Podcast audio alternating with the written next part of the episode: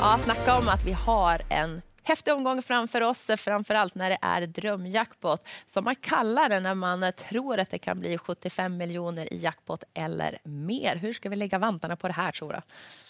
Nej, men det är ju en väldigt stor favorit som blir väldigt svårslagen. Eh, med de övriga loppen, det finns väl lite skrällkaraktär och någon sån där singelprocentare som man ändå kan liksom gå på som, som roliga skrällidéer. Så att helt avslaget att det blir bra utdelning är det ju inte. Nej. Eh, sju stycken eh, favoriter ska vi ta och bedöma och vi börjar då med i V75 1 som är ett klass 2-försök. Hästen just nu att bedöma, knappa favorit också, nummer 6 Everloving. Vem vill börja? Jag kan börja. Mm. Eh, det blir rött för min del. Inte säker på att den tar ledningen. Ett Oracle Vixie har ju sett snabb ut i voltstart och såg väldigt bra ut senast mm. med. Så det är väl naturligt att landa lite grann där på att den sitter i tät och med det där loppet senast att den är riktigt, riktigt bra den här gången. Men eh, tänker inte ryka på The Flying Eagle, såg ju smått lysande ut och det är ju toppstammad häst som ser riktigt, riktigt spännande ut inför framtiden nummer 11. Och 10 Star Royal Mark som är skrällen i loppet som har jättehög toppfart. Jag tror kanske han la bort lite mycket kraft senast i ledningen, att han inte hade så mycket kvar att ge på upploppet. Så finns det nog en förklaring till varför han var lite blek där också. Mm. Mm, ja, jag fyller på med att Evil Loving blir en röd favorit. Det var lite tveksamheter där från Eisen Tjomsland kring hur formen är, hur han kan öppna från det där springspåret också. Eh, absolut inte givet att han kommer till ledningen. Tror inte att det är toppchans i spets heller, utan ett Oracle Vix är jättetidig. Jag tycker att han har sett lysande ut på Solvalla och härdats mot ganska tuff konkurrens också. Sen nämnde du också nummer 10, Star Royal Mark Leon. Det där är en sån där som man gillar väldigt mycket och efter kastration så känns det som att han har tagit ytterligare kliv bakspår för hans del. Det är bara bra grejer och 5 det är mumma det. Mm, ni har sammanfattat det väl där på Ever Loving, ingen favorit jag vill hålla i handen. Snacket landar ju på 11 The Flying Eagle som kanske blir favorit eh, när det landar till slut. Och det är just voltstart som jag är lite orolig för. För tidigare mm. regi så har han ju kastat sig runt. Men han såg så otroligt läcker ut senast. Det där bakspåret kanske gynnar då till felfri avgång. Så det är första hästen i loppet. Forkel Vixe har ni nämnt också. Sen tycker jag att Fyra Lightson, nu är han rätt så betrodd. Jag mm. trodde kanske inte att han skulle vara över 10 procent och man får se vad han landar på. Men det är väldigt intressant att det är Erik Adelsson upp där och skulle han få en bra start, han har inte sett så jättekvick ut, men man har sett Erik Adelsson få upp dem sådär lagom på bettet. Med rätt resa, jag kan se att han också skulle kunna räcka. Mm. Vi tar oss vidare till V75 2. Vanligtvis kan man tycka att storlopp är lite klurigt och vi gör det ännu klurigare för det är 15 stycken kallblod som är fördelat på fyra stycken volter och favoriten just nu att bedöma är nummer 8 Dawn Klara. Ja, för mig så får hon faktiskt rött. Det är lite för mycket om och men. Hon behöver ha sin resa för att kunna räcka till och framförallt vinna det här loppet. Det är klart att hon är jättebra, men toppformen är inte där. Eh, jag gillar många andra i det här loppet och den jag fastnade framförallt för det var nummer 10 Åsmona som hade mycket otur senast, galopperade ju den sista svängen då, men stod för ett jättestarkt upp, eh, upplopp. Var ju eh, Trea då bakom åtta Dånklara och sex Etel. Eh, håller hon sig bara på benen hela vägen nu tror jag att hon kan vinna det här loppet. Och 7% för Ole Johan Östre och Åse Mona. Sen har vi härliga Mariette Wikås också som tränare där. Mm. För min del blir det också rött på Dånklar. Jag tycker att procenten är överkant. Jag, kan, jag blir inte förvånad om hon vinner, men det är lite om och men hur det blir kört. Och för mig är det här ett rejält garderingslopp när det är 15 kallblod över så här många volter. Två skrällar vill jag då bjuda på. Dels två Technolina, tre starter i ny regi. Bra läge där, tycker jag är under kraftig utveckling. Och sen en procent 1 procent på 9. Minna Seger, 12 år. Men alltså hon har kommit tillbaka efter en skada. Hon har gjort det väldigt bra. Hästar hon har mött på slutet är ju Edbest, Edbest, Fyrkraft. Mm. Nu möter hon bara ston. Hon går ner i klass. Och jag läste en intervju här inför och Rick Eklund sa att jag är inte med för att ligga på innerspår. Jag ska i alla fall ge det chansen. Ja, 1 procent. Det är för lågt för henne. Sen ska det såklart stämma. Men jag tycker verkligen inte att hon är helt borta.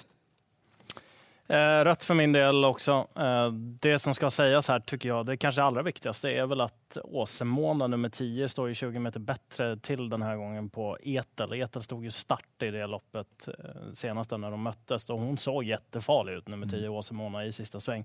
Hon ska väl ha sina lopp, köra lite snällt och sådär, men hon verkar ha en väldigt, väldigt speed att tillgå. Så det är väl den skrällen jag kan plocka ut i loppet, men jag håller med dig. Det är liksom fram med rollen och, och måla på, för det kan verkligen hända något där.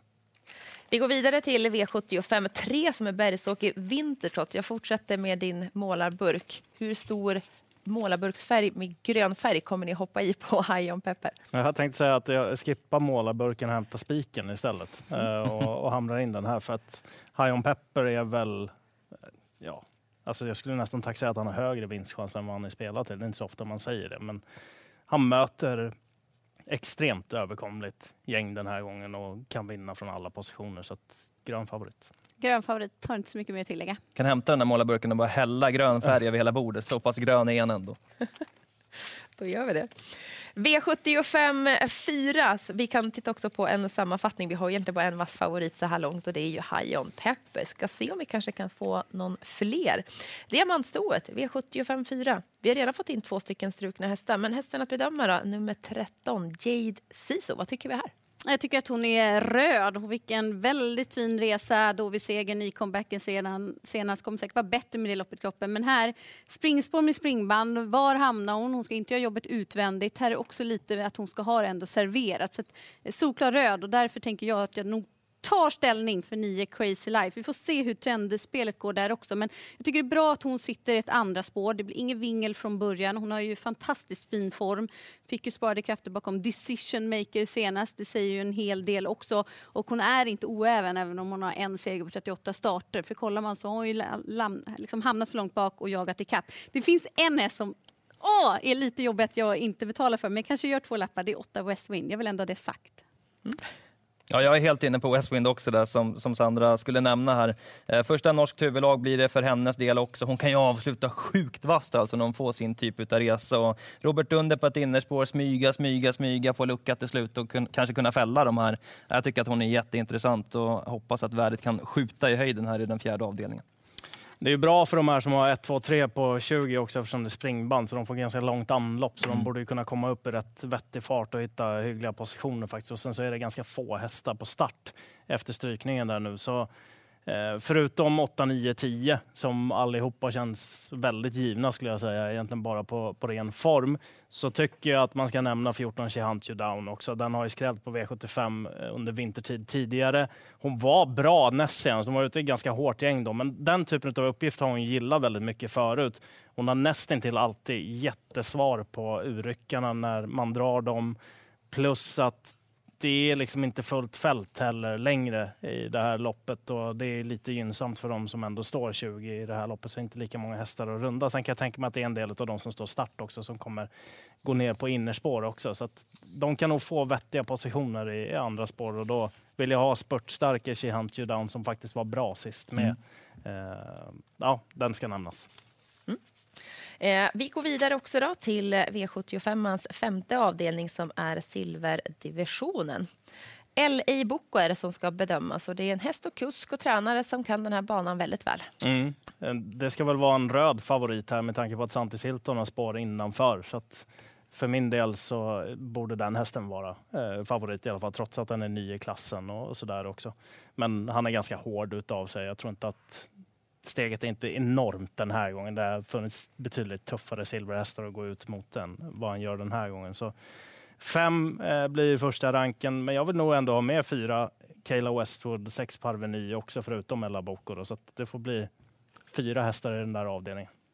Mm. Jag är också inne på att det är röd favorit där. Det är klart att han var väldigt bra sist, men det var ett vanligt lopp. Gångerna innan det så har han sprungit och hängt lite töm och inte varit riktigt fräsch liksom i silverloppen. Så jag vill verkligen se att han funkar i lite tuffare sammanhang också, eller i Boko, innan jag vågar tro på honom det som blir favorit. ingen ledning för honom. Nej, exakt. Det kommer ju bli utvändigt om leden här och han är ju bäst i främre träffen och framförallt i ledningen och dit kommer han inte för att fem Santis Hilton kommer att sitta där. Han är ny i klassen som du nämnde Leon, men jag är lite inne på att man kanske kan spika honom.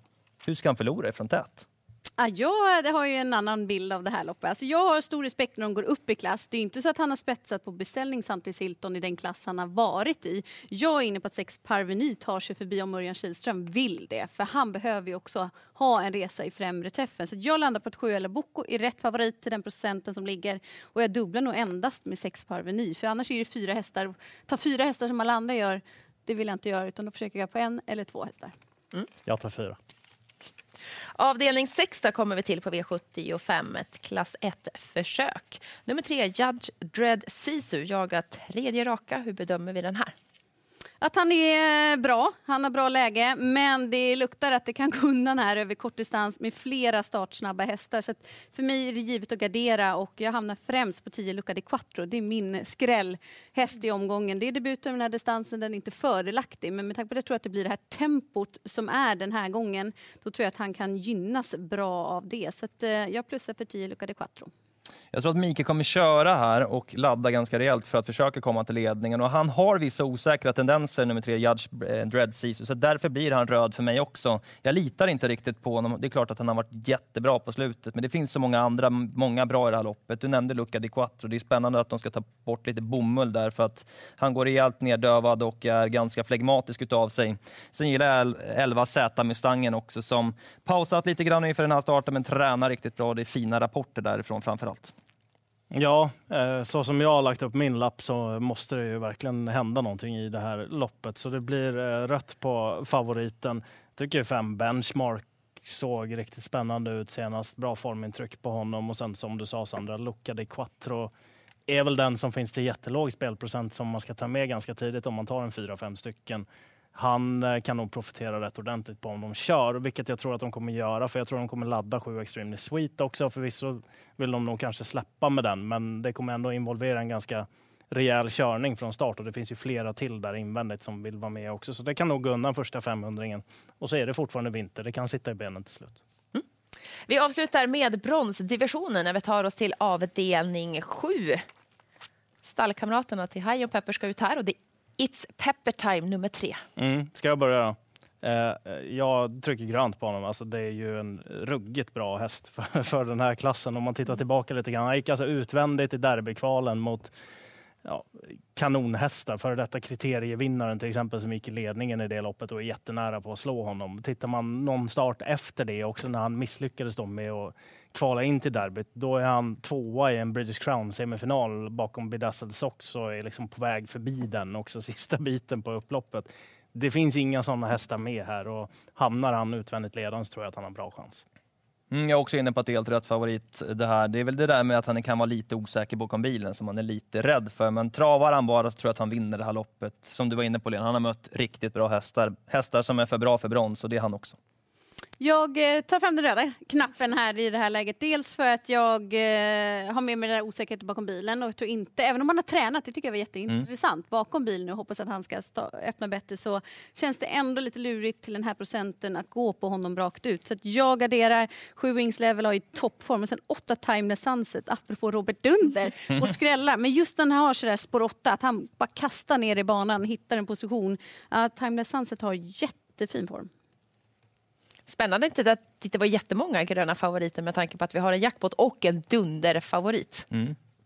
Vi kollar på hur det ser ut. Vi har två stycken massa favoriter. De kommer ifrån stall Katja Melko. Tre High on Pepper och så It's Pepper Time i avslutningen. Drömjackpot med 75 miljoner i potten. Första start 16.20. Vi önskar ett extra stort lycka till den här veckan.